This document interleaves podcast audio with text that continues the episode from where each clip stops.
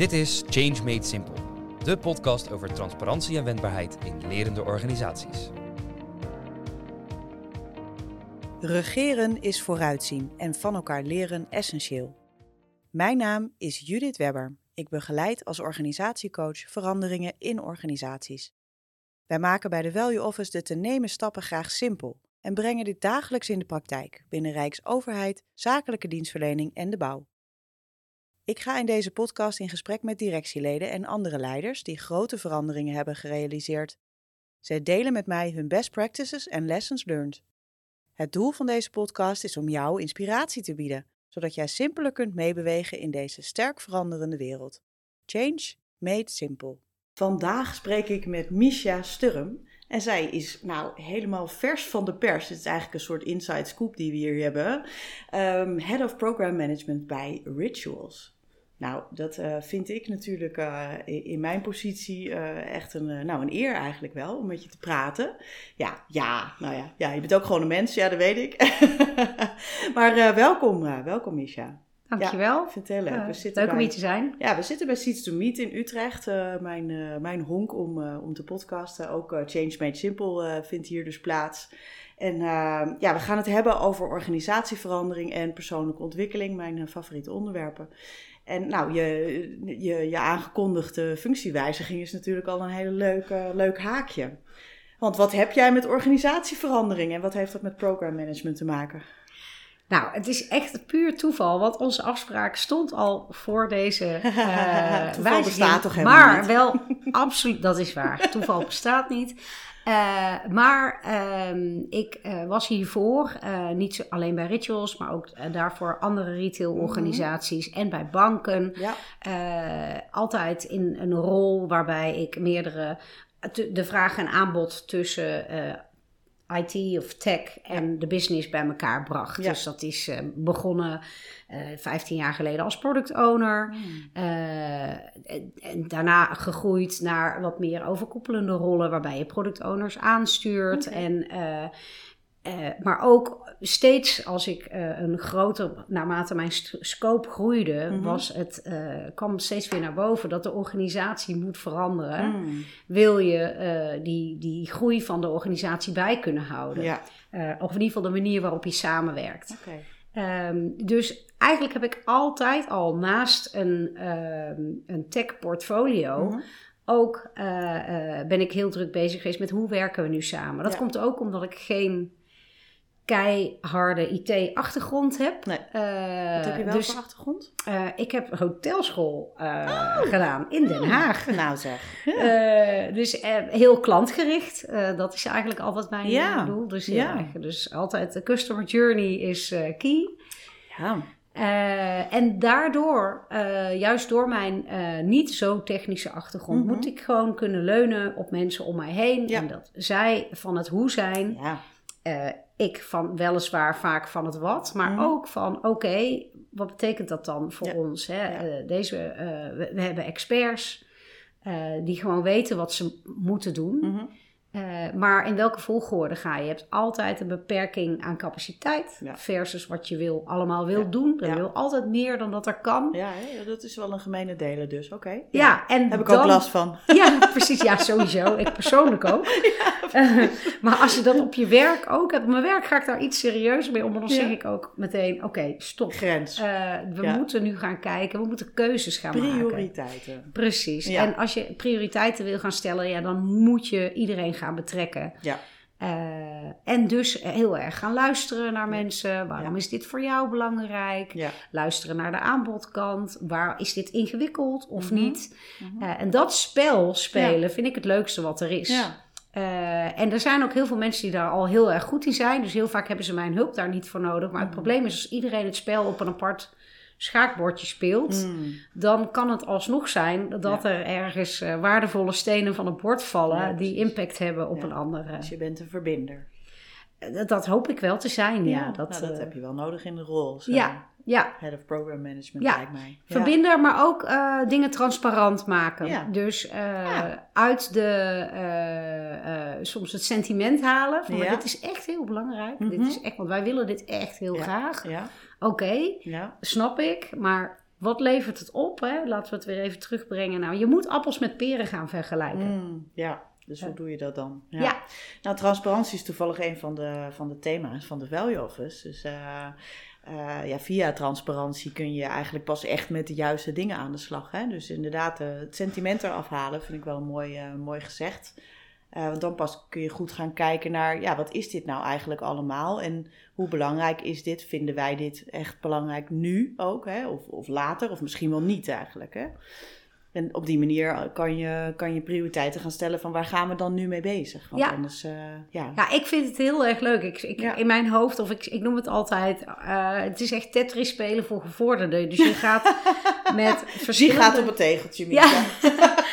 je gaat met verschillende vormen aan de slag, die misschien op het eerste oog niks met elkaar te maken hebben. Maar als je het slim speelt, -hmm. het ultieme doel is natuurlijk om met die beperkte capaciteit de maximale waarde te leveren. Ja. En dat kan alleen maar als je ook echt weet uh, wat waarde is ja. van elk element. Ja. Maar ook uh, hoe je je capaciteit zo snel, slim mogelijk kan inzetten. Het kan dus zomaar zijn dat op een gegeven moment iets op het oog kleins toch voorrang krijgt. Mm. Omdat aan die kant de motorkap toch open staat. Dus Mm. we nemen dat mee. Ja, precies. Uh, dus ja, dat ook vind- lekker van de beeldspraak, hoor ik al. Ja zeker. Ik zie nu een motorkap openstaan. Ja, het is de enige manier hoe ik dingen uit kan uitleggen. Nogmaals, ik ben niet eh, Ja. van nature een enorme techneut, maar dus ik moet het op de een of andere manier visualiseren voor mezelf.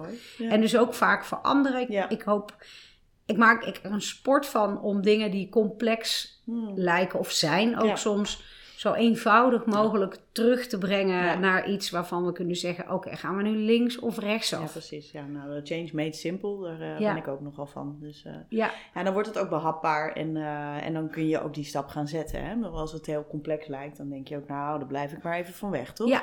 Dus hoe simpeler het lijkt, hoe makkelijker je de stap kan zetten. ja, Ja, precies. en ehm, ja, wat ik altijd interessant vind is, wat maakt nou voor jou een verandering überhaupt succesvol? Je daar een idee bij?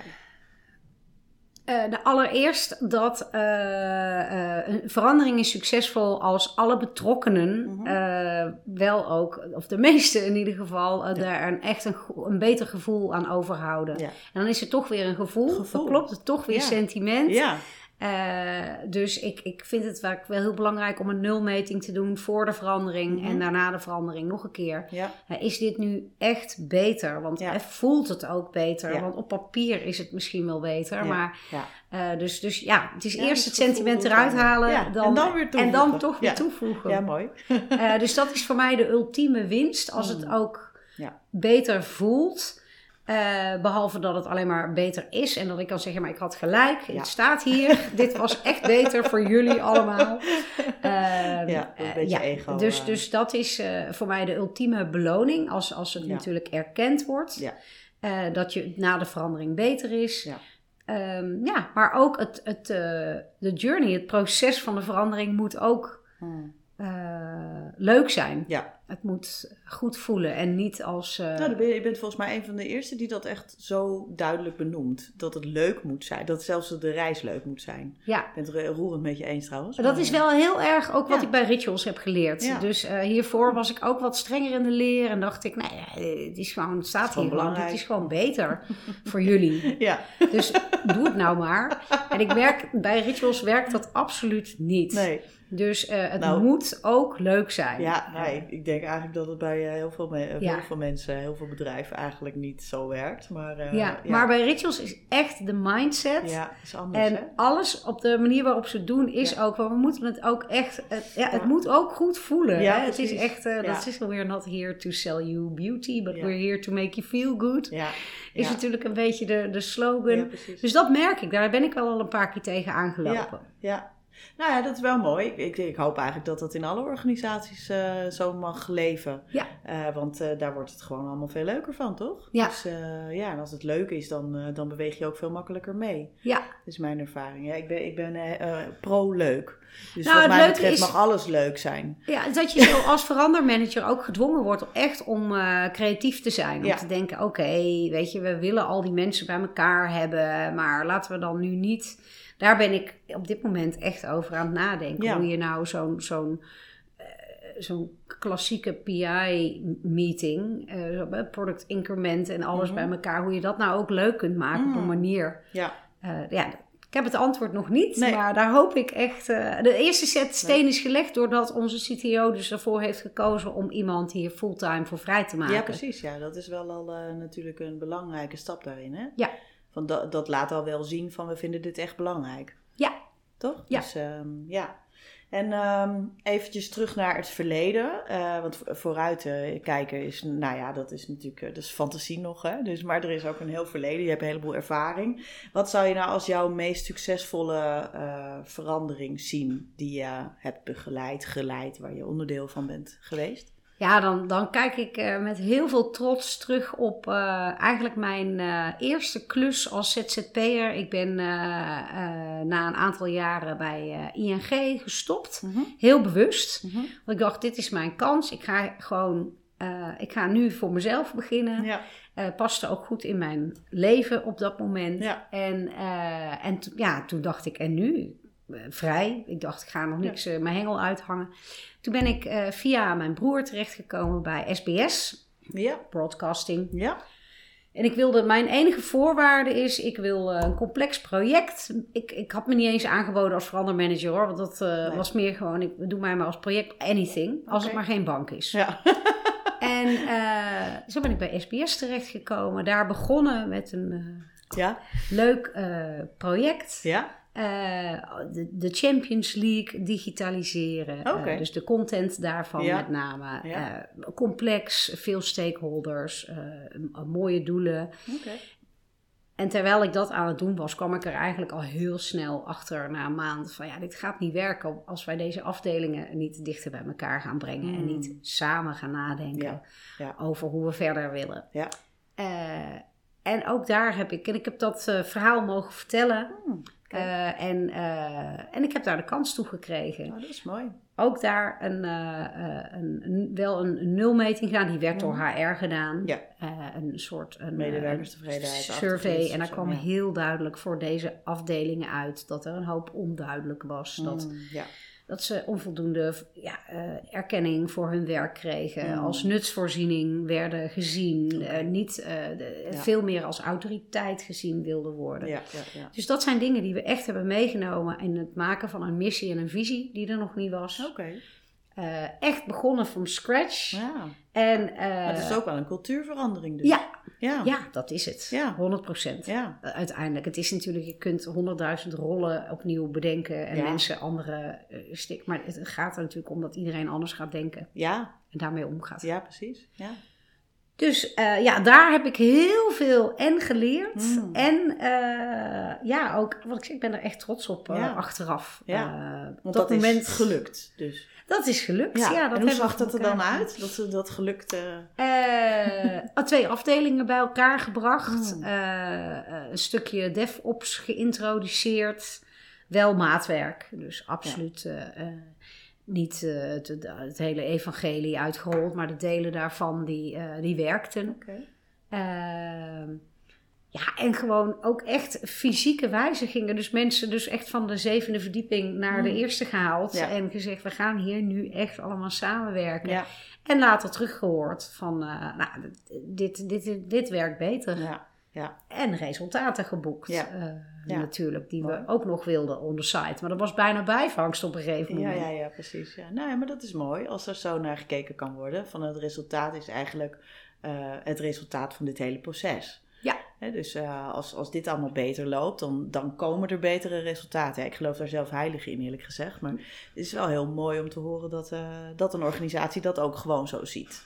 Ja. Ja. Dus, eh, en was dat inderdaad zo dat, dat, dat mensen dan een beter gevoel eraan overhielden? Want wat je net zei van nou dat vind Ja, ik... dat eh, kwam terug in de rapportcijfers, Ja. eh, in de survey. Dus Ja. meer duidelijkheid Ja. over rollen Ja.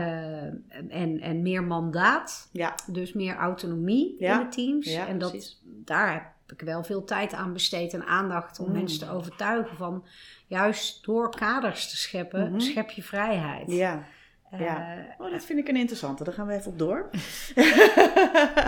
Eh, ik, eh, nou, je weet dat ik ook zelf een, pod- podcast heb gehad die van hokjes naar puzzelstukjes heet. Dus dat heeft van alles met ruimte en kaders te maken.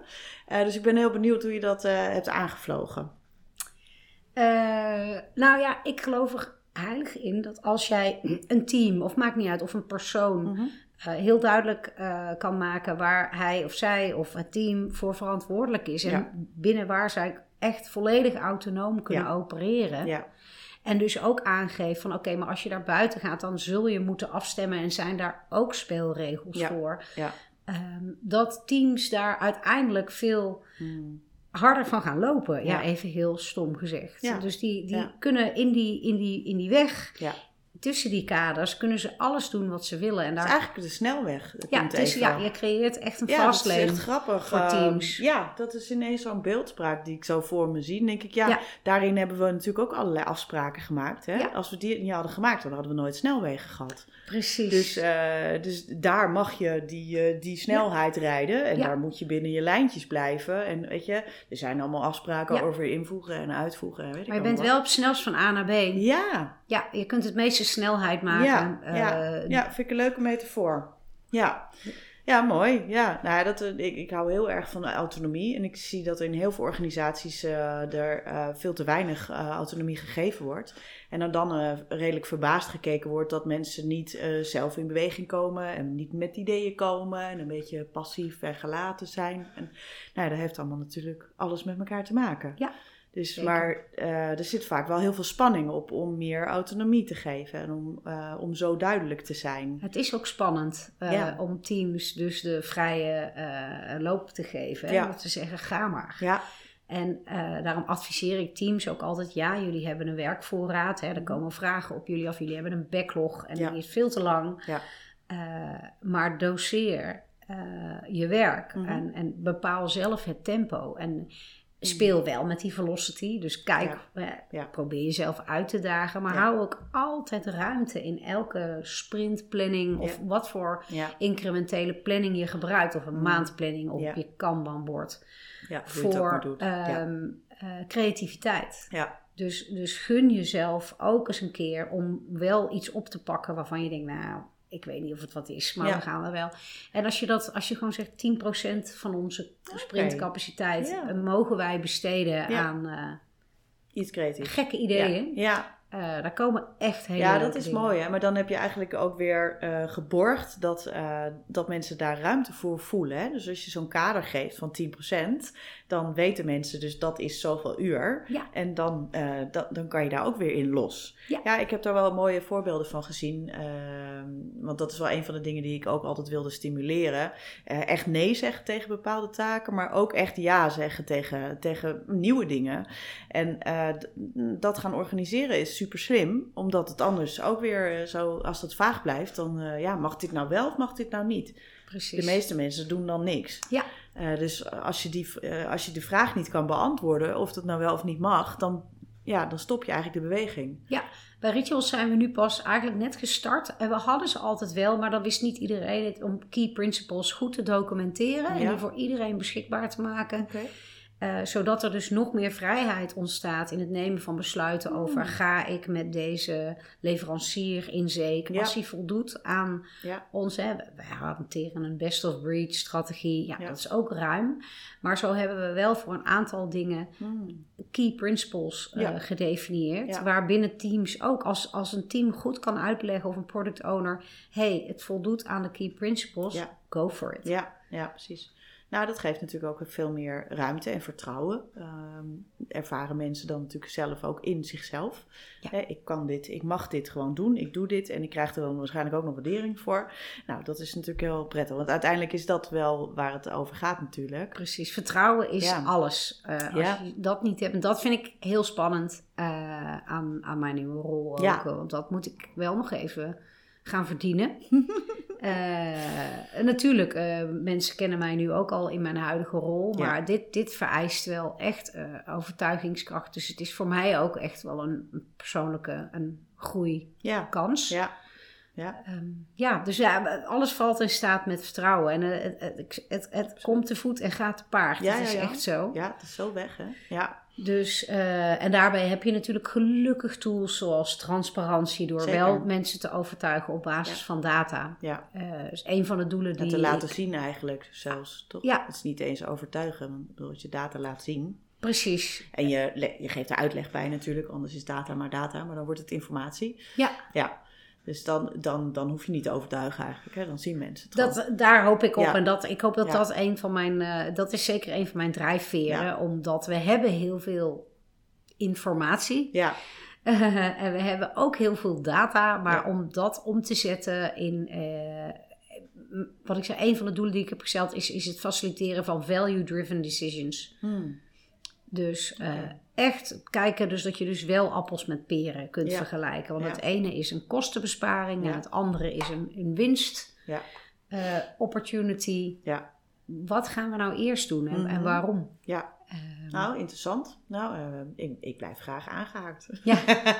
wel een interessante reis. En dan komen we eigenlijk automatisch ook een beetje op jouw persoonlijke ontwikkeling. Dus dat vind ik dan wel weer mooi hoe dat werkt. Eh, want wat, wat, heb je, wat zie je als je eigen, eigen grootste groei op dit eh, terrein? Tot, tot nu toe dan, hè? Want je gaat, staat natuurlijk nu vlak voor een nieuwe. Eigenlijk moet je gewoon over een jaartje nog een keertje interviewen. Precies, ja. Ik, ja nou, wat- wat mijn grootste uitdaging is, eh, ik denk vaak geduld. Hmm. En het overtuigen, ehm, ja, inderdaad, wel ook op basis van data. Dus ik Mm. moet zelf natuurlijk, het is wel practice what you preach. Ja, ja.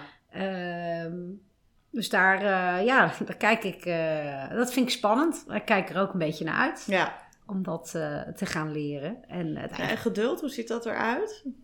Ja, ik ben natuurlijk zelf ook een, een vrij autonoom type. En Mhm. gewend om op een hoog tempo change te realiseren. Ja, En ik heb inmiddels ook wel geleerd, ja, dat, dat tempo, dat is, dat is dat wat is jouw mij, tempo. mij vaak nekt. Is dat ik dus verwacht dat ik al Ja. drie kilometer verderop sta met Ja. waar blijven jullie nou? Mhm. En vergeet mensen mee te nemen. Ja, precies. Ja. Niet zozeer vergeet, maar gewoon ook echt me niet bewust ben Mhm. dat mensen soms meer tijd nodig hebben of een andere aanpak. Ja.